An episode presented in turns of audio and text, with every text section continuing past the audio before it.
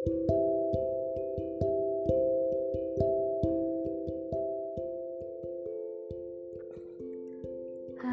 sekarang kalian lagi dengerin podcast lebih dekat. Podcast kali ini aku bakal ngucapin terima kasih untuk seseorang yang berarti dalam hidup aku, untuk seseorang yang sudah menemani hidupku selama 11 tahun, untuk seorang bidadari tak bersayap yang dikirimkan Tuhan untukku, dan semoga kita bisa segera berkumpul di surganya Tuhan kelak mau cerita untuk seorang pahlawan dalam hidupku bernama nenekku. Dia tuh kayak Power Rangersku gitu. Kenapa? Karena aku belajar banyak dari beliau, kayak belajar memaafkan, belajar menerima, belajar untuk mencoba bersabar di setiap yang Tuhan kasih dalam hidup. Dan banyak hal yang dia yang beliau ajarin sama aku. Dan juga aku belajar banget cara sama beliau. Kita ngasih jangan pernah berharap kita bakal dapet apa yang kita kayak kita ngasih orang jangan bakal berharap orang itu akan ngasih yang sama juga sama kita nah kenapa aku bilang gitu? Karena ya ya kita tuh sebagai manusia selalu pengen apa yang kita kasih sama orang itu ya harus balik lagi sama kita gitu. Padahal Tuhan tuh udah ngarisin kalau kamu jangan terlalu berharap sama manusia kan? Dan kadang kita tuh selalu salah gitu. Dan kenapa aku mau ngomong makasih lewat podcast? Karena aku tuh tipe aku sayang sama orang yang berarti dalam hidup aku untuk ngomong makasih sama aku sayang kamu. Itu aku bener-bener gak pernah ngomong itu.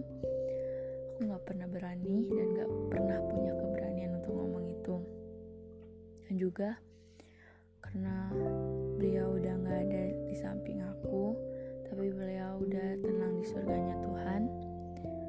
Hmm, aku seneng banget Tuhan kasih nenek yang begitu tulus untuk nyayangin aku begitu tulus menerima egoku yang begitu tinggi, emosiku yang meledak-ledak, dan banyak hal yang beliau terima dengan tulus dariku. Aku ingat banget beliau ngomong, kamu tuh selalu jadi, kamu selalu jadi orang berharga kok gitu. Harus samain hidup kamu sama orang lain.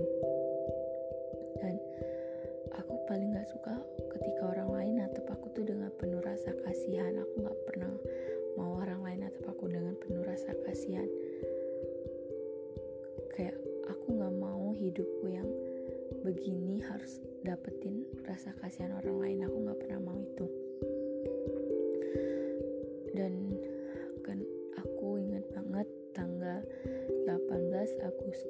2020 menjadi hari tersedih buatku dan keluarga karena kita harus bisa sama seorang yang berarti banget di hidup kami seorang yang benar-benar sabar ngadepin tingkah laku kami seseorang yang belum sempat kami bahagiain tapi udah dipanggil Tuhan karena Tuhan begitu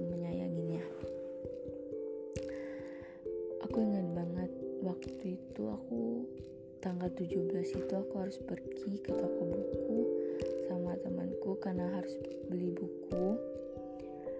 Tapi nenekku tuh kayak gak ngasih izin gitu. Dia tuh kalau aku mau pergi tuh dibolehin gitu. Tapi ini tuh bener-bener gak dibolehin. Dibolehin cuma di rumah doang akunya. Akhirnya aku kan selalu nangis kalau nenekku demam atau sakit gitu. Aku selalu itu aku nangis. Kayak aku pikiranku kalut aja udah pikiranku kalut aku nggak tahu harus ngapain. Akhirnya malamnya aku mimpi buruk aku mimpi ada orang ngajak aku pergi. Dan orang tuh bener-bener maksa banget untuk ngajakin aku pergi di mimpi itu. Aku udah teriak tuh sama aku udah teriak minta tolong sama orang supaya jangan ngajak aku pergi aku nggak mau saking aku udah teriak aku temanku aku tuh kayak ada temen aku lagi duduk berdua sama temanku. Tiba-tiba ada orang nggak aku kenal narik narik tanganku ngajak aku pergi gitu kan. Aku ya kayak aku nggak mau aku nggak mau aku bilang aku nggak mau aku bilang gitu kan. Temanku tuh cuma diem doang kayak nolongin kayak apa kayak nggak cuma diem doang di mimpi itu. Cuman aku harus cari cara supaya aku nggak pergi sama nih orang aku teriak sampai aku bangun itu aku lihat udah jam 2 malam. Nah waktu aku bangun tuh aku lihat kondisi nenek aku tuh udah udah parah banget. Udah napasnya udah sesak banget gitu kan. Di masa pandemi harus ke rumah sakit orang banyak par parno banget kan. Ya udah akhirnya telepon omku diskusiin mau dibawa ke rumah sakit terdekat atau gimana. Apa panggil dokter. Nah udah deh keputusannya bawa ke rumah sakit dan masuk rumah masuk sempat masuk ICU eh bukan masuk ICU deh masuk IGD masuk IGD masuk ke ruang isolasi. Dan aku tuh punya penyakit diabetes sama jantung kan sama paru-paru terendam. Dan waktu pukul 10 pagi aku inget banget itu aku lagi pulang dari rumah sakit nganter keperluan rumah sakit di depan ruang isolasi aku tuh pengen aku ngomong sama susternya sus boleh nggak masuk? Gak bisa katanya. Udah taruh aja di depan pintu di depan kaca kaca bening aku cuma bisa lihat tuh lewat celah dikit banget itu kan. Aku ngeliat kayak di mana.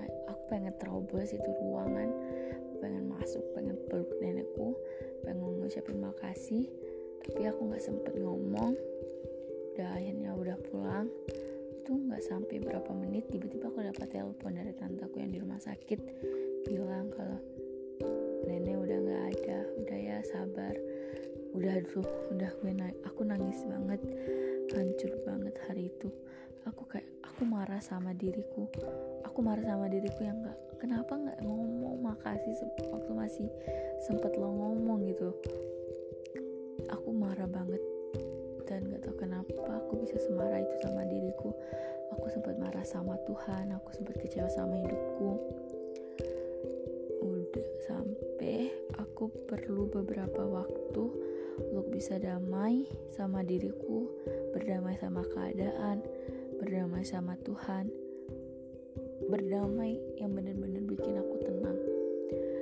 Akhirnya setelah aku tenang, aku pelajari dari kehilangan itu, aku pelajari selagi kamu punya waktu, kamu harus bisa ngomong makasih sama aku sayang kamu sama orang yang benar-benar kamu sayang.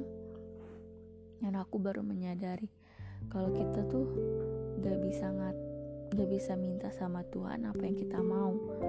Kayak aku nggak aku mau aku maunya nenekku tuh nemenin aku sampai aku bisa wisuda nemenin aku sampai aku bisa berdiri dan nggak perlu takut lagi sama dunia ini. Tapi Tuhan gak kasih bukan gak kasih tapi Tuhan yakin aku tuh mampu. Dan itu tadi Tuhan terlalu Tuhan tahu yang aku butuhin bukan yang aku mau. Dan aku ingin ngucapin makasih untuk bidadari tak bersayap yang udah Tuhan kirim buat aku kita bisa berkumpul di surganya Tuhan kelak. Dan selam dan terima kasih yang udah dengerin podcast lebih dekat dan selamat mendengarkan. thank you